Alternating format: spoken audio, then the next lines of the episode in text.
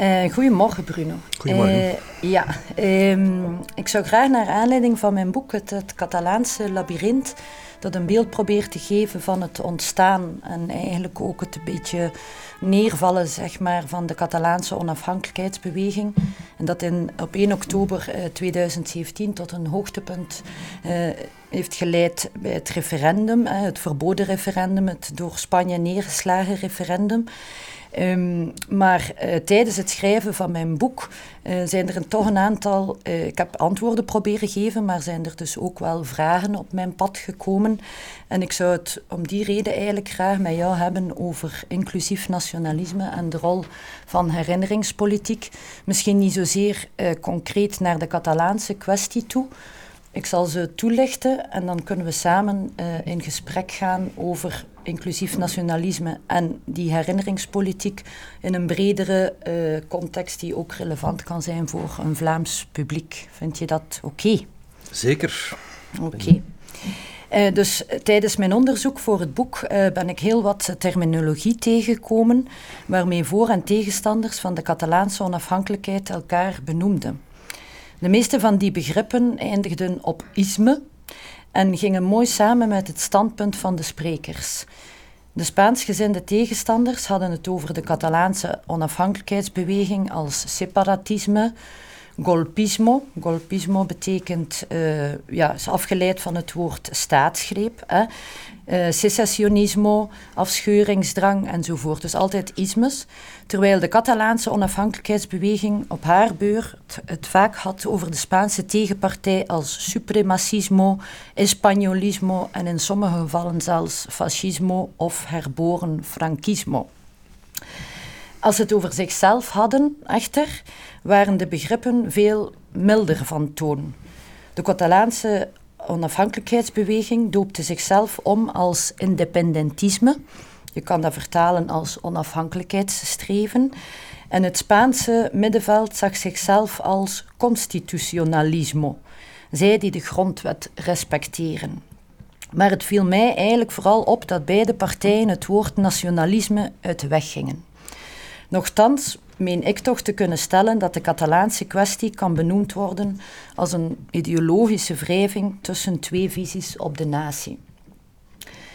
Voor de Catalanen, dat wil ik eventjes toelichten, is de natie een historische en emotionele unie waarbij een gemeenschappelijke geschiedenis, culturele manifestaties en vooral de taal de natie stutten en het oerrecht geven te bestaan. Het is ook een nationalisme dat zeer sterk verbonden is met het volk, met de grond onder hun voeten, en dat mag je echt letterlijk nemen, hun taal en het gemeenschapsgevoel. Het is anders gezegd een soort van organisch, natuurlijk uit de aarde ontsproten nationalisme. En het heeft ook een vrije wil, alsof het iets bijna biologisch is. Hè. En daarmee met die vrije wil bedoel ik eigenlijk dat het geen systeem is of een georganiseerde uh, artificiële manier om een samenleving vorm te geven zoals staatsnationalisme zou kunnen zijn. Goed, de Catalaanse de, uh, christendemocratische politicus Jordi Pujol, die toch twintig jaar president uh, van Catalonië is geweest, uh, kwam dus in 1980 aan het hoofd van de, het herstelde Catalaanse zelfbestuur. En in tegenstelling tot de allereerste uh, Catalaanse nationalisten, die dateren van uh, halfweg de 19e eeuw, een volle romantische periode, hè, kreeg hij te maken met een bevolking die voor de helft bestond uit Spaanse migranten, hè, die nog altijd de helft van de Catalaanse bevolking uitmaken. Die, uh, die zijn in de loop van de 20e eeuw in Catalonië uh, gekomen om daar te wonen en te werken.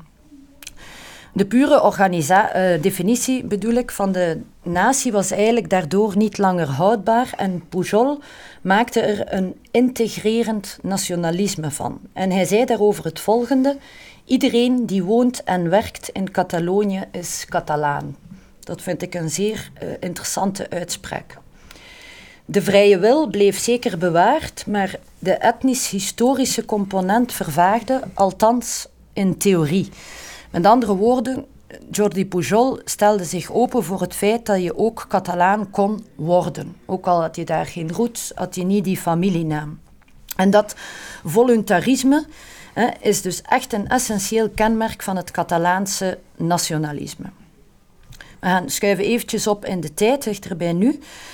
Het in, integrerende nationalisme van Pujol kreeg vanaf 2000 te maken met een nieuwe golf immigranten, maar deze keer uit alle hoeken van de wereld, met een andere cultuur, huidskleur, religie.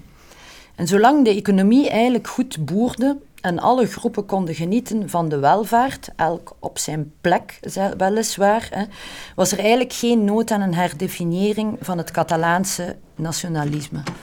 Maar na de economische crisis van 2008 en het ontluikende nationalisme in de richting van een onafhankelijkheidsstrijd, was er wel terug nood aan een herdefiniëring van wat Catalaan zijn was.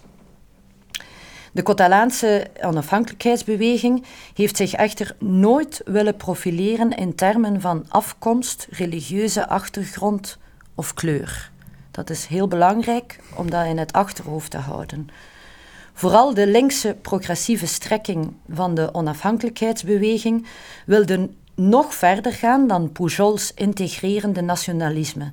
En het werd, en dat is het nog steeds, een inclusief nationalisme. Dus van integrerend naar inclusief. En zij bedoelen daarmee een gemeenschap van alle burgers die in Catalonië wonen, met het accent op burgerschap en veel minder op identiteit.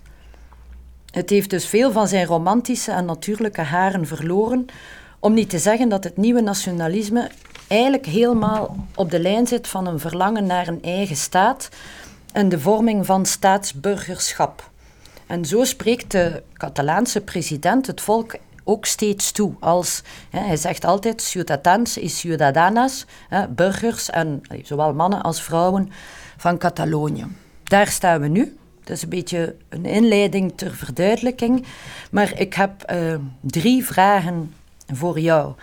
Mijn eerste vraag is: kan je als expert in nationalisme dat toch eens definiëren, dat inclusieve nationalisme? Ja, Sarah, dat is al een uh, heel interessante, tegelijkertijd uh, heel complexe vraag. En ik, uh, ik wil proberen om het overzichtelijk te houden. En ik ga in mijn antwoord ehm, vijf elementen naar voren brengen. Eerst en vooral, je zei geen van de partijen in, in het conflict in, uh, in Spanje en Catalonië noemt zichzelf nationalist. Dat is uh, niet zo verbazend. Uh, nationalisme is sedert de Tweede Wereldoorlog een verbrand begrip. Hè. zeer veel nationalisten herkennen zichzelf niet als nationalist. Overigens niet in Vlaanderen, dat is al interessant, hè, waar Vlaamse nationalisten geen koudwatervrees hebben om het begrip nationalisme te gebruiken. Denk aan de NVA, denk ook aan het Vlaams uh, Belang, die zichzelf gewoon voluit Vlaams nationalist noemen. Maar anders dan in Catalonië, en daar zitten we al op een eerste belangrijk verschil, heeft het Vlaams nationalisme en bij uitbreiding een groot deel van de Vlaamse beweging eerder een rechts- en conservatieve achterban en ook een rechts- en conservatieve historische achtergrond. Hè. Het is begrijpelijk dat het zichzelf als progressief beschouwende Catalanisme, hè, of Catalaans nationalisme zou ik zeggen, hm. eerlijk gezegd, dat die die term nationalisme vermijdt en zichzelf liever allerlei andere namen geeft, indentempendist. In het Nederlands is dat heel moeilijk uit te spreken, maar het bestaat wel in het Nederlands, dat woord. Um, ja, waarom is nationalisme zo beladen de Wereldoorlog 2? Wel nu, omdat het natuurlijk um, verbonden is geraakt met de excessen van het fascisme, dat natuurlijk als een ultranationalistische en exclusivistische uh, nationalistische stroming kan worden beschouwd. Dat is een eerste element. Hè. Nationalisme is een beladen begrip. Vele nationalisten, met name in Catalonië, op vele andere plaatsen, die eigenlijk nationalist zijn, noemen zichzelf niet zo. Um, Interessant is evenwel dat, dat het, niet erkennen van nationalisme is een, is een complexer begrip of een complexere zaak. En dat brengt mij bij een tweede element. Dat is dat, dat met name in vele stabiele natiestaten, daar waar staat en natie samenvalt, en dat is een van de dogma's of een van de principes van het nationalisme, daar ga ik zo dadelijk nog eventjes op terugkomen. In stabiele natiestaten, ik noem Nederland, ik noem Frankrijk, hm, um, die zijn eigenlijk vaak zeer nationalistisch, die landen. En jij, noemt, jij maakte in jouw uh, inleidingen een onderscheid tussen staats- en volksnationalisme. Daar moet ik het straks ook nog eventjes over hebben. Dat is een, een, een deel ook een artificieel onderscheid, lijkt mij. Um, maar nazistaten zijn vaak zeer nationalistisch. Hè. Nederlanders zijn in mijn ogen vaak veel nationalistischer dan Vlaamse nationalisten van de NVA. Maar ze zien het zelf niet. Hè. Dat zogenaamde oranje gevoel enzovoort lijkt zoiets uh, dat weinig met nationalisme te maken heeft, terwijl het uh, dat eigenlijk toch wel is. Het onderscheid tussen staatsnationalisme en het zogeheten volksnationalisme Um, ik vind deelstaatnationalisme een wat ongelukkige term. Waarom?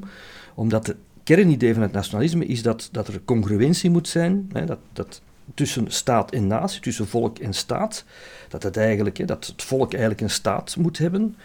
Um, een deelstaatnationalisme staat daar wat haaks op natuurlijk. Hè. Uh, men, eigenlijk wil het nationalisme zoveel mogelijk um, statelijke bevoegdheden eh, hebben voor uh, de natie die dan door die nationalisten worden gedefinieerd. Um, eigenlijk is er tussen staats- en volksnationalisme op dat punt geen, op ideologisch vlak geen fundamenteel verschil. Hè. Beide gaan ervan uit dat, er, dat de natie, het volk, moet samenvallen met de staat. Alleen is dat natuurlijk in de natiestaten gerealiseerd, of beschouwt men dat als gerealiseerd, en gaan veel zogeheten volksnationalistische bewegingen dat nog moeten realiseren, waardoor zij ja, oppositioneel zijn tegenover de staat waarin zij zich bevinden. En waardoor zij vaak door die staat of door anderen, door buitenstaanders, als nationalisten worden beschouwd. Dat is een tweede element. Er is geen principieel verschil ideologisch tussen staats- en zogeheten volksnationalisme. Alleen worden volksnationalisten vaak als nationalisten gedefinieerd en zien de aanhangers van de nazistaat zichzelf niet als nationalist. Heel belangrijk, en dat is een derde element, is dat nationalisme geen natuurlijke staat van zijn is. Hè. Er is niet zoiets als een natuurlijk uh, nationalisme. Het is een politieke constructie. Nogmaals, met het idee dat natie en staat congruent moeten zijn. Geen enkel nationalisme ook niet het Catalaanse, kan bogen op een zeer oude geschiedenis. Nationalisme als ideologie is een modern fenomeen. Dat ontstaat ongeveer met de Franse Revolutie en dus met het idee van de volkssoevereiniteit tegenover het vorstelijk, tegenover de vorstelijke soevereiniteit, tegenover het idee dat de macht komt uh, van of uh, in handen zit van, van soevereine vorsten. Op het moment dat, dat in, als gevolg van de verlichtingsideeën dit kantelt naar het idee, nee, nee, nee, uh, uh, de macht zit bij het volk. Het is op dat moment, op dat tijdsegment, en dat situeert men ergens in de 18e, 19e eeuw, dat eigenlijk het nationalisme als ideologie ontstaat en dat ook het, uh, de hele, de hele, het hele concept en, van nazistaat ontstaat. Natuurlijk, sommige nazistaten kunnen wel bogen op een uh, op, op, op, gemeenschappelijke ervaringen hè, voordat die nazistaat ontstaat. Hè. Bijvoorbeeld, voor wat Catalonië betreft, hè, de strijd tegen de Bourbons in de 18e de 19e eeuw. Um, de taal misschien ook? De taal, maar taal is zeker is vaak een, een markeerder van, van de natie, maar ook niet altijd. Overigens ook niet in Catalonië. Hè. Er zijn nog toch veel Cat Catalaanstaligen die niet in, in Catalonië wonen. Ik denk aan de Balearen, om dat maar te noemen.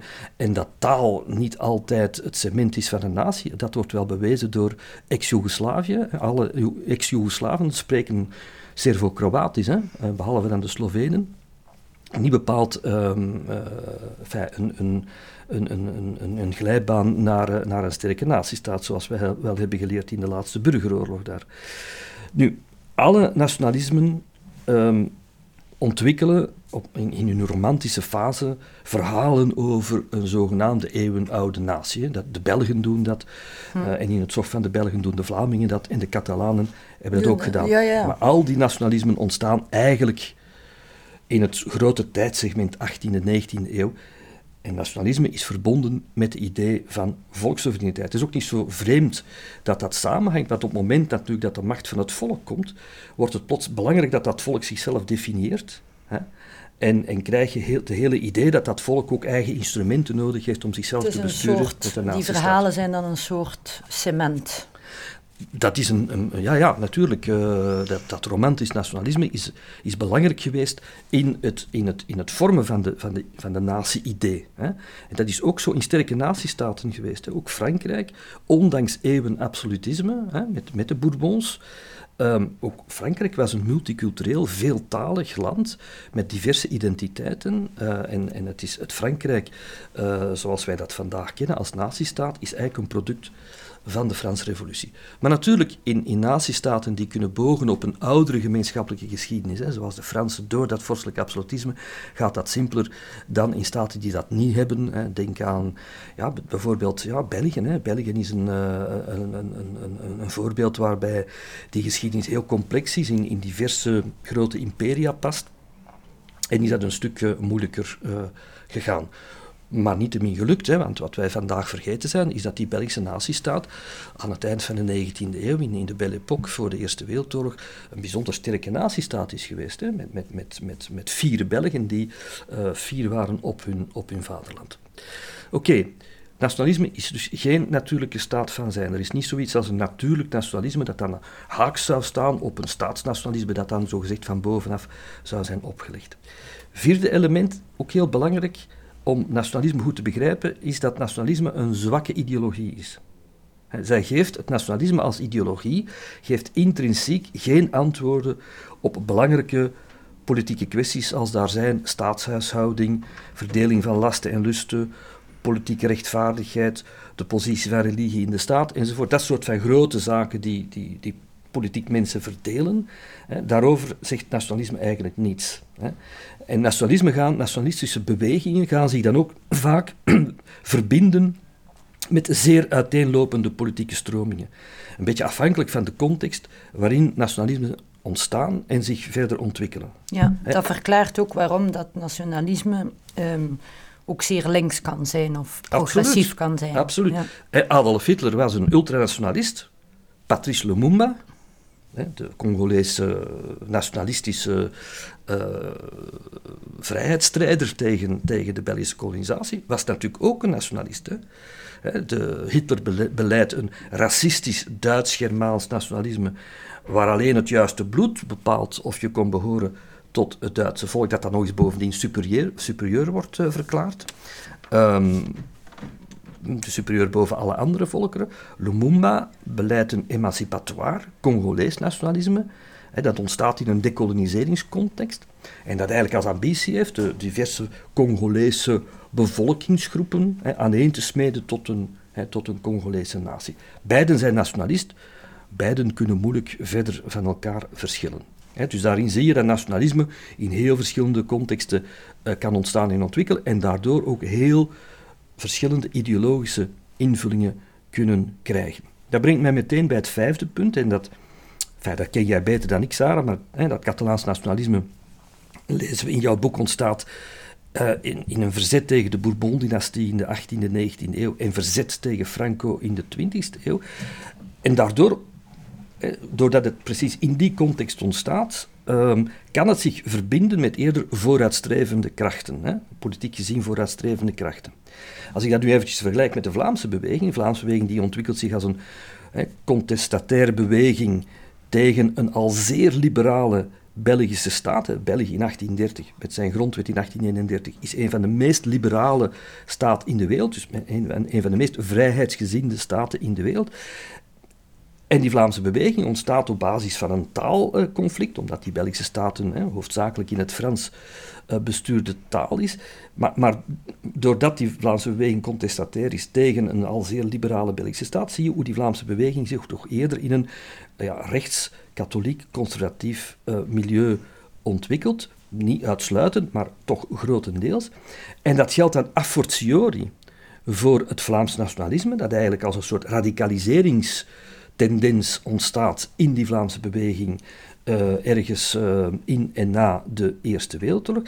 Dat Vlaams nationalisme gaat eigenlijk zijn ontstaan kennen in een collaboratie met uh, het, Duitse imperiale rijk in de Eerste Wereldoorlog en dan nog eens een doorstart of, een, of een, nog eens een radicaliseringsfase kennen in een tweede collaboratie met het fascisme, met het nationaal socialisme.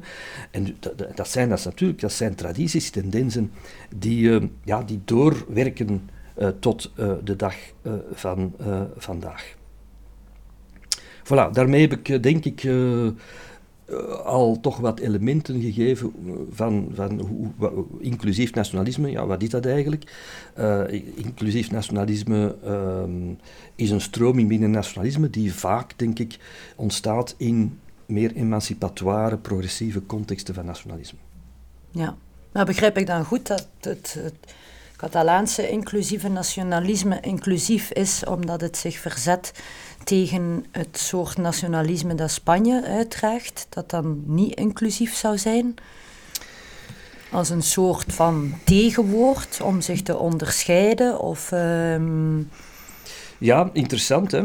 Um, ik, ik, ik, ik, ben nogal, ik ben nogal um, uh, kritisch tegenover het idee dat uh, het, het Spaans nationalisme per definitie, per definitie niet inclusief zou zijn. Dat lijkt mij in, in Globo ook niet zo evident, omdat natuurlijk ook dat Spaans nationalisme zeker inclusieve elementen in zich heeft. En naar mijn gevoel zou dat Catalaanse nationalisme ook een aantal exclusieve elementen in zich hebben. We kunnen daar misschien straks even op terugkomen. Maar dus het Catalaans nationalisme ontwikkelt zich in een, in een democratisch, emancipatoire en eerder linksgerichte context en gaat daardoor, denk ik, zichzelf inclusiever opstellen. Inclusiever dan een conservatief rechtsnationalisme dat eerder exclusief is. Hè. Dat, dat, is. dat zijn de twee polen, denk ik, die we moeten in houden als we spreken over nationalisme. Maar beiden gaan natuurlijk wel uit van een natie die cultureel wordt gedefinieerd. Um, beide gaan uit van het idee dat de natie de kern moet vormen van het politieke bedrijf en dus moet kunnen beschikken over een staatsapparaat of minstens een deelstaatapparaat, want daar is Catalonië en Vlaanderen misschien dan toch niet zo verschillend. Hè. Zij, zij ontwikkelen zich pragmatisch en, en, en zien voorlopig een deelstaat als hè, het hoogst haalbaar, maar, mm -hmm. maar, maar in ieder geval, de Vlaamse nationalisten wilden eigenlijk een onafhankelijke Vlaamse staat. En eigenlijk ook in, het Catalaans nationalisme zie je toch wel sterke stromingen die streven naar een, een onafhankelijke Catalaanse staat.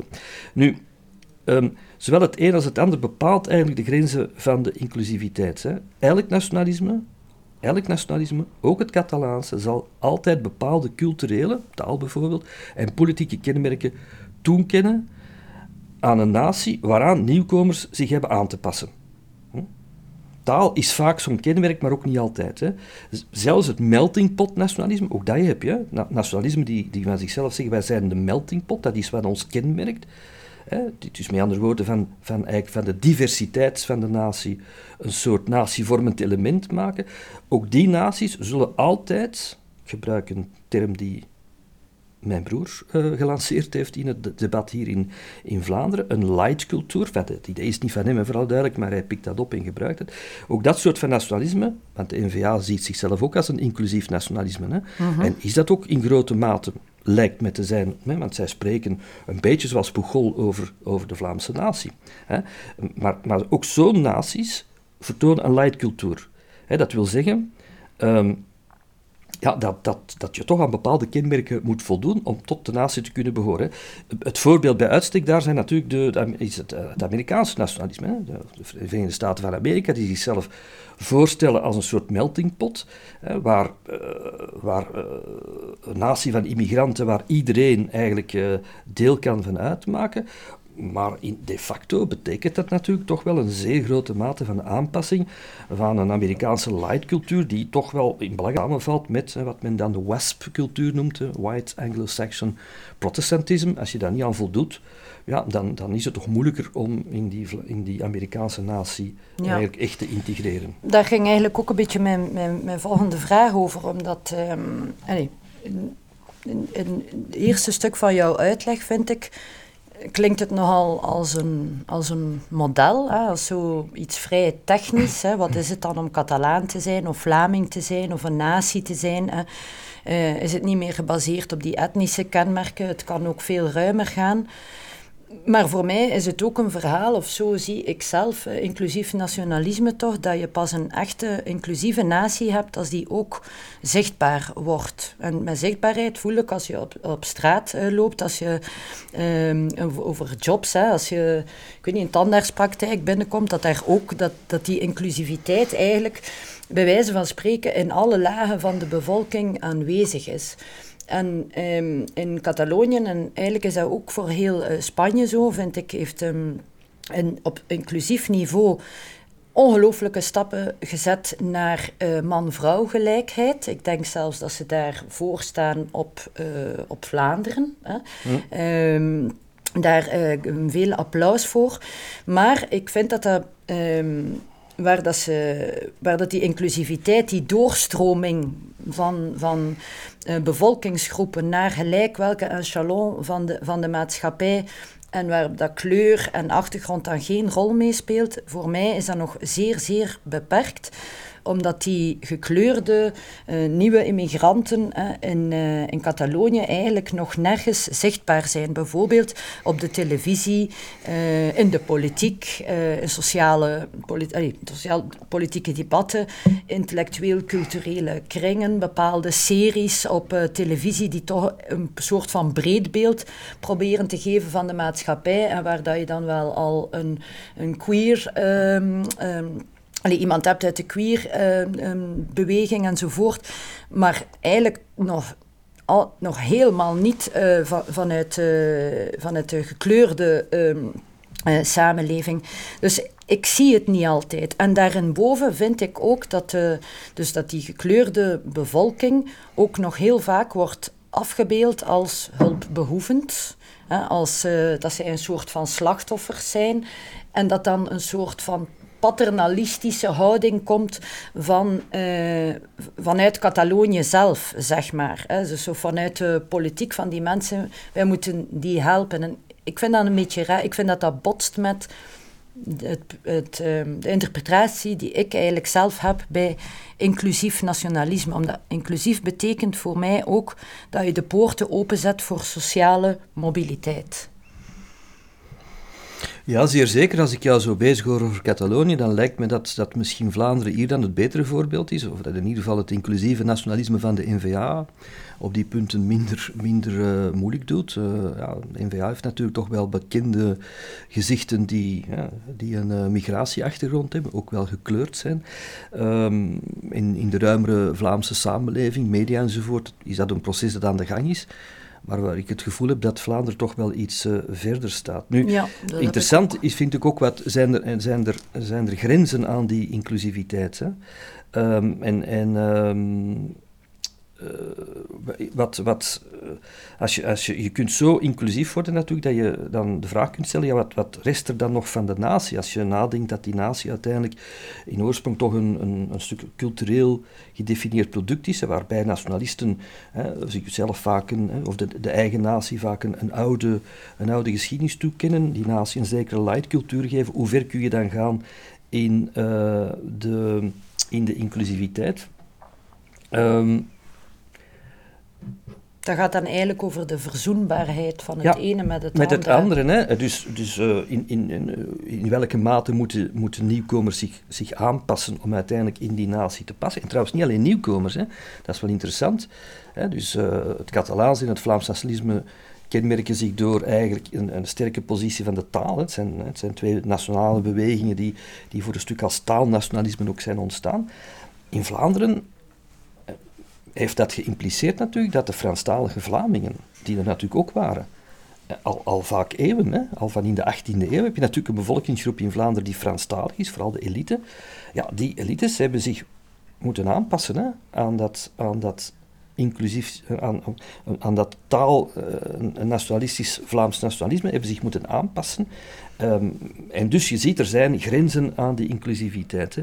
Maakt dat nu dat elk nationalisme chauvinistisch uh, is en per, per, per, definitie onverzoenbaar is met cosmopolitisme, want dat is dan eigenlijk dan de ideologische tegenvoeter. Hè. Je hebt het nationalisme versus het cosmopolitisme. Hè. We zijn allemaal wereldburgers en, en tussen, tussen, tussen, tussen de burger en de wet staat eigenlijk niets. Hè. Dat nationalisme of die, dat zijn eigenlijk allemaal maar constructies enzovoort. Hè. Um, nu, als je daar ideaaltypisch over nadenkt, dus als je echt vanuit die concepten vertrekt, dan, dan is er natuurlijk een, een onverzoenbare tegenstelling tussen nationalisme en cosmopolitisme. Maar in, in het echte leven schiet je niet zo ver op om alleen maar ideaaltypisch over dat soort van dingen na te denken. Hè. Uh, in het echte leven uh, bestaan geen ideaaltypische politieke categorieën. Hè. Uh, het, echte leven bestaat uit morsige mensen ehm, die ehm, ja, die, die, die, die vaak twee, de twee elementen in zich verenigen. In het echte leven is de meertalige universitaire geschoolde die een jaar Erasmus achter de rug heeft, waar zij haar Spaanse man heeft leren kennen, toch ook gehecht aan die doorzonwoning in het knusse West-Vlaanderen, in dat dorp waar ze wonen, terwijl dan de Deurnissen, ik woon zelf in Deurne, Sarah. De Deurnese Vlaams Belanger uh, en supporter van uh, de number one voetbalclub Antwerp juicht voor de Japanse spits uh, Koji Miyoshi. Um, gaat na de match in een Turkse bitabar vieren dat zijn ploeg op nummer 1 staat. Uh, maar niet lang, want morgen vertrekt je op vakantie naar de Spaanse zon, waar hij al jarenlang op een camping zit tussen Spaanse en Franse en Duitse vrienden. En ja, er zijn ook een paar Catalanen bij. Dat is het echte leven. Hè? Dat is morsig. Ja. En die twee dingen lopen bij mensen altijd een stuk door elkaar. Oké. Okay. Um... We gaan overgaan tot het, tweede thema. Het is er op een manier me verbonden, maar ik denk, uh, ben zelf ook enorm gefascineerd door uh, herinneringspolitiek, omdat uh, de herinneringspolitiek, we hebben het al gezegd, of jij hebt het al gezegd, van Eigenlijk kan het nationalisme zich niet funderen in middeleeuwse verhalen enzovoort enzovoort, maar ze doet het wel om een soort van narratief te brengen, om een soort van gemeenschapsgevoel te brengen. En ik zou het graag eventjes hebben over de grenzen die daarbij uh, zijn. Maar ik ga opnieuw eerst... Uh, de Catalaanse uh, situatie een beetje uh, toelichten als inleiding en daarna zal ik jou een paar vragen stellen.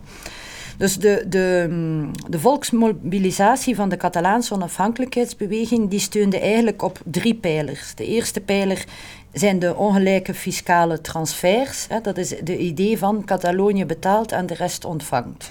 Hè, dat is hier ook in Vlaanderen, hebben we dat ook gezien. Uh, de tweede pijler is dus Catalonië als een eeuwenoude natie. En dan gaan ze vooral terug uh, naar de middeleeuwen, naar de tijd van de Reconquista. Um, en dat bezorgt hen een christelijke Europese fundering. Dat, dat is eigenlijk de essentie, omdat het in Spanje toch gaat over die, uh, die Arabische bezetting ook. Hè. Vooral dat ze geen Arabieren zijn en geen Joden zijn, dat wordt nooit meer uitgesproken op die manier. Maar het heeft wel die fundering gelegd. Hè. Vooral die connectie maken met het Europese uh, vasteland. En de derde pijler is uh, dus de taal als een verbindend, als het weefsel eigenlijk van de Catalaanse identiteit. Die drie pijlers in heel het narratief uh, gingen altijd uh, gepaard met een boodschap van onrecht en dus eigenlijk een soort van cultivering van pijn. Want het deed pijn om aan uh, Spanje te veel te betalen, het deed pijn om aan Franco terug te denken en het deed pijn omdat Catalaans een taal is die eigenlijk een minderheidstaal is. Ehm, eigenlijk maar de moedertaal van een derde van de Catalaanse bevolking. Wij gaan het hebben over uh, de herinnering, dus meer over de geschiedenis. Omdat we daar ons meer thuis in voelen dan in de andere twee, denk ik. Dus ik ga er eentje dieper op ingaan. Uh, de Catalaanse onafhankelijkheidsbeweging heeft twee momenten gekozen om dat narratief, dat historische narratief, vorm te geven. En het eerste moment is het jaar 1714 toen uh, de Spaanse en Franse legers van de nieuwe Bourbon-dynastie het opstandige Catalonië versloegen en aan heel Spanje een centralistisch en absolutistisch regime opdrongen met Spaans als enige administratieve taal. De Catalanen ervaren dat als een, of sommigen als een bezetting of als een koloniale houding van de Spanjaarden. Die datum symboliseert dus het opdringen van het Castiliaanse Spanje aan de Catalanen. Hè. Uh, en een volle ramkoers naar onafhankelijkheid. 1714, 2014 was er dus de gelegenheid om daar een viering rond te doen hè, van 300 jaar uh, Spaanse over, overheersing. Er werden overal in Catalonië, die zijn nog steeds zichtbaar, uh, herinneringsroutes gebouwd. Uh, er was heel veel uh, literatuur rond, tentoonstellingen, zelfs tot graffiti toe. Eh, waarop dat je dan ook kon lezen, eh, 300 jaar eh, bezetting. En de boodschap was daarbij, wij hebben toen een nederlaag gelegen, maar nemen nu ons recht in eigen handen en zullen Catalonië bevrijden of in ieder geval herstellen. De focus lag enorm op het gevoel van herstel wat we ooit waren. Hè. Maar niet uh, op een ongeciviliseerde manier via oorlog, maar via de stembus. Hè. Waardoor dat die Catalaanse onafhankelijkheidsbeweging een enorme democratische kracht had hè, en daar ook mee uitpakte. Hè. Zij voelden zich de grootste democraten van de wereld op dat moment. Het tweede moment was de Spaanse dictatuur van eh, Francisco Franco, die er kwam ten gevolge van een mislukte staatsgreep tegen de Spaanse Tweede Democratische Republiek. Dan had je de Spaanse burgeroorlog en de overwinning dus van uh, Franco en de daaropvolgende dictatuur. Een dictatuur die repressief was, hè, uh, die repressie was van toepassing op alle tegenstanders in heel Spanje. Maar de Catalanen, als zij daarover vertellen, vinden altijd dat zij extra hebben geleden omdat Franco niet alleen tegen de republikeinen en de communisten en dus bepaalde ideologieën was, maar ook de Catalanen heeft geviseerd op hun Catalaanse identiteit. En, en die identiteit eigenlijk heeft proberen ontnemen, in de eerste plaats door de taal te veroordelen naar uh, de huiskamer. Hè. Dus Catalaans is dan een spreekwoord, um, een spreektaal geworden, een thuistaal. De bekende celliste Pau Casals hè, zegt uh, daarover dat Catalonië op dat moment veranderd is in een provincie. En het woord provincie is voor de Catalanen echt een belediging. Ja. Um, dus hier heb je opnieuw dat gevoel van uh, vernedering. Hè? Dus, en opnieuw dat gevoel van wij moeten dat herstellen. Hè? Dus um, het. In 2007 keurde Spanje de wet goed op de historische herinnering. Dat is een wet die moest tegemoetkomen aan de republikeinse slachtoffers van de Spaanse burgeroorlog en de repressie van het Franco-regime.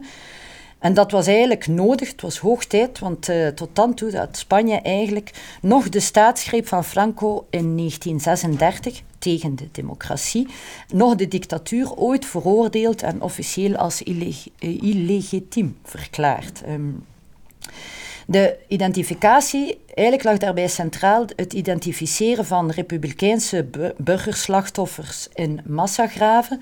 Maar op de een of andere manier was de doos van Pandora opengezet hè, en zette die wet heel veel in beweging. En Spanje raakte daardoor bevrijd. Er kon, althans door degene die wilde, eindelijk gesproken worden over die pijn eh, van die burgeroorlog. En een, wij hebben een hier in België uh, wereldoorlogen meegemaakt, maar een burgeroorlog is toch nog iets anders. Hè. Dat zijn broeders echt naast elkaar, familieleden tegen elkaar. is toch nog van een ander niveau. Hè. Uh, dus dat is ook een hele pijnlijke herinnering, maar ik had het gevoel dat de taboesfeer uh, weg was. Dus, dus de Spanjaarden konden eigenlijk babbelen over pijn, hè, over hun eigen pijn. Hè. Maar, en dat uh, heb ik toch ook geobserveerd, ik heb het zelfs opgezocht, uh, zo, bijna zonder uitzondering werd vanaf dan, bijvoorbeeld in documentaires, in tentoonstellingen, het woord gegeven altijd aan de overwonnenen, dus aan de slachtoffers van Franco. En Catalonië is helemaal meegestapt in, in dat verhaal. De Spaanse dictatuur en repressie dus die twee uh, elementen hè, zetten de, samen met het discours rond 1714 kracht bij, zowel in termen van Spaanse onrechtmatige suprematie als van het Catalaanse verzet daartegen. Hè, want zij waren al tegen de Bourbons, zij waren al tegen Franco. Hè. Eh, en opnieuw eigenlijk werd in dat discours de wapens vervangen door een vredevol en democratisch strijdmiddel om het onrecht goed te maken, de stembus.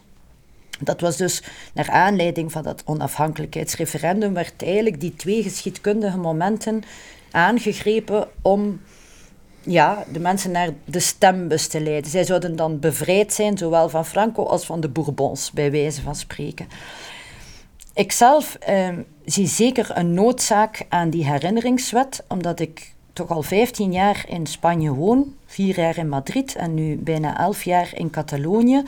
En ik heb die pijn echt vaak gezien. door te praten met mensen. Door, hè, uh, dus ik merk dat daar toch nog altijd nood aan is, ook al is het uh, heel lang geleden. Dus er is een behoefte aan herstel, aan symboliek, aan erkenning, vooral van de slachtoffers uh, zelf uit.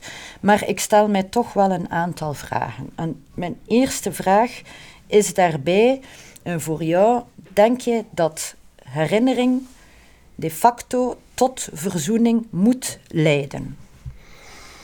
Wel, alles hangt ervan af, Sarah, hoe men die herinnering vormgeeft. Als herinnering gebaseerd is op een versimpelde zwart-wit geschiedenis, bevolkt door helden en booswichten, dat is er denk ik weinig kans tot verzoening. Hè. De kampen gaan zich gewoon verder ingraven en niet bepaald nader tot elkaar komen. Herinnering gebaseerd op een complexe en genuanceerde kennis van het verleden biedt volgens mij meer aanknopingspunten, omdat in zo'n geschiedenis veel minder helden en booswichten rondlopen en veel meer mensen die hortend en stotend hun weg hebben gezocht in de omstandigheden waarin zij zich toen bevonden. Een, een, een, complex geschiedbeeld verklaart waarom mensen deden wat ze deden. En dergelijke verklaringen kunnen ook leiden tot meer begrip voor elkaars geschiedenis. Natuurlijk, daar zitten limieten aan. Er zitten ook addertjes onder het grond, want het is natuurlijk niet de bedoeling om meer begrip in morele zin te gaan vertonen voor massamoordenaars, folteraars, genocideers en, het andere schorrimorrie dat helaas onze geschiedenissen uh, bevolkt. Geschiedenis en moraliteit kun je nooit helemaal uit elkaar halen. Maar dat op zich is ook een voordeel. Hè. Het, het, het inzicht, ook in complexe geschiedverhalen, dat moraliteit en geschiedenis nooit helemaal uit elkaar te halen zijn, dat heeft ook een voordeel. Want Um, het kan een dialoog op gang brengen over waarden en normen, over erkenning en herstel. Hè. Uh, wat jij vertelt over Catalonië, hè, dat kan ik, daar kan ik heel goed inkomen. Hè. Ik, een ander voorbeeld, um, en nu is het niet uit de, uit, de, uit de, Vlaamse context, maar uit de internationale context, is bijvoorbeeld heel de Black Lives Matter-beweging, die een historische discussie uh, over de, het natuur, de natuur van de transatlantische, het belang van de transatlantische slavenhandel heeft op gang gebracht. En die in het zog van die discussie tot hiertoe onmogelijk bestempelde wegen als herstel- en schadevergoeding voor een geschiedenis die eeuwen oud is, toch bespreekbaar heeft gemaakt. Dat zijn heel interessante ontwikkelingen van hoe een historisch debat, vermengd met moraliteit, toch nieuwe wegen opent. Die, denk ik, wegen van verzoening zouden kunnen zijn. Ja. Um, maar is het ook mogelijk dat er aan, de, um, aan die herinnering, dat er ook gevaren verbonden zijn als die bijvoorbeeld plots geclaimd worden of ten, door een bepaalde groep of ten dienste moeten gesteld worden. Soms heb ik het gevoel Daarom niet zozeer uh, bij de herinnering aan Franco, die de, de meest pijnlijke herinnering is natuurlijk, maar ik heb soms het gevoel bij uh, herinnering dat de slachtoffers eigenlijk opnieuw bestolen worden. Ja, uh, ik begrijp wat je bedoelt. Um, ik, ik, ik, het probleem zit volgens mij altijd in het gegeven dat als geschiedenis ingezet wordt voor politieke en voor politieke doelen door militante bewegingen, als, als geschiedenis een soort dienstmaagd wordt van die bewegingen, dan krijg je, denk ik, een versimpelde uh, geschiedenis um, die eigenlijk moet dienen als wapen in de strijd. Um, en dat staat dus helemaal haaks op die complexe geschiedenis. En wat je daarnet vertelde over, over uh, die 18e eeuwse geschiedenis van het Catalanisme, uh, ik, ik heb het gevoel dat dat sterk in spanning staat met, met, met het wetenschappelijk dossier daarover. Um, en het lijkt mij zo'n typisch voorbeeld van hoe geschiedenis ingezet wordt als, eigenlijk als politiek, uh, als, als, politiek uh, wapen. En um, herinnering heeft maar herstelwaarde, denk ik, um, niet als je de rollen gaat omkeren. Als helden schurken worden en schurken helden, dan staan we even ver weg van dat complex geschiedbeeld waar ik het daar net over had, dan, dan, dan voordien. Hè. En dat, uh, dat lost niet veel op. Ja. Is het dan, zou het dan aangewezen zijn bijvoorbeeld dat er in Catalonië of in heel Spanje, want het is eigenlijk ook een algemene Spaanse kwestie, hm. een soort van reeks komt zoals de kinderen van? Omdat dat toch een reeks is die probeert om die uh, dat claimen te overstijgen of inderdaad uh, te zeggen we gaan nu eens het verhaal brengen van uh, de slachtoffers nu dat wij eindelijk het woord krijgen en dan wordt het weer een zwart-wit verhaal.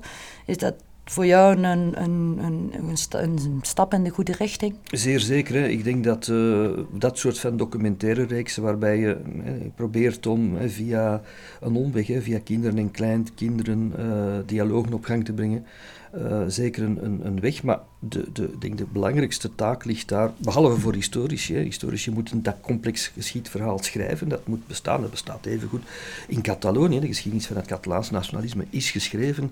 Uh, maar dan, eh, dan heb je mensen nodig die dat, die dat vertalen in de maatschappij. En dan denk ik aan filmmakers, ik denk aan schrijvers uh, van romans. Uh, dat zijn eigenlijk de echte vectoren langs waar uh, dit soort van complexe geschiedenissen op, op maat van, van gewone mensen ook wordt doorgegeven. En, en vooral de ficties moet daar een belangrijke rol in spelen. Ja, en het is toch belangrijk dat het een groot publiek bereikt. Hè? Zeker. Moeilijke geschiedenisboeken worden gelezen door een handvol mensen. Juist daarom. Terwijl een, een, collectieve herinnering heeft een heel grote impact op, op een samenleving. Zeer juist. En heeft behoefte aan verbeelding, nieuwe verbeeldingen.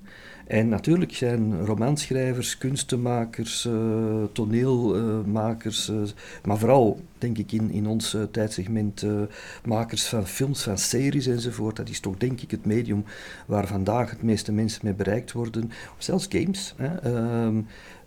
Daar verbeelding in zetten om die complexe geschiedbeelden door te geven, daar geloof ik heel sterk in. Dat impliceert natuurlijk dat A, die complexe geschiedenis moet aanwezig zijn, een rol van academici, en B, dat de makers van die culturele producten bereid zijn natuurlijk om mee te stappen in dat complex verhaal en daar iets mee te doen. Oké Bruno, ik wil jou hartelijk bedanken als oud-student van jou aan de Universiteit van Gent. Toch meer dan twintig jaar geleden was het aangenaam om met jou samen aan tafel te zitten. Dank u wel. Insgelijk, het is voor mij aangenaam vast te stellen dat iemand die nog altijd uh, bezig is met het vak, hè, uh, proficiat met jouw boek. Dank u wel.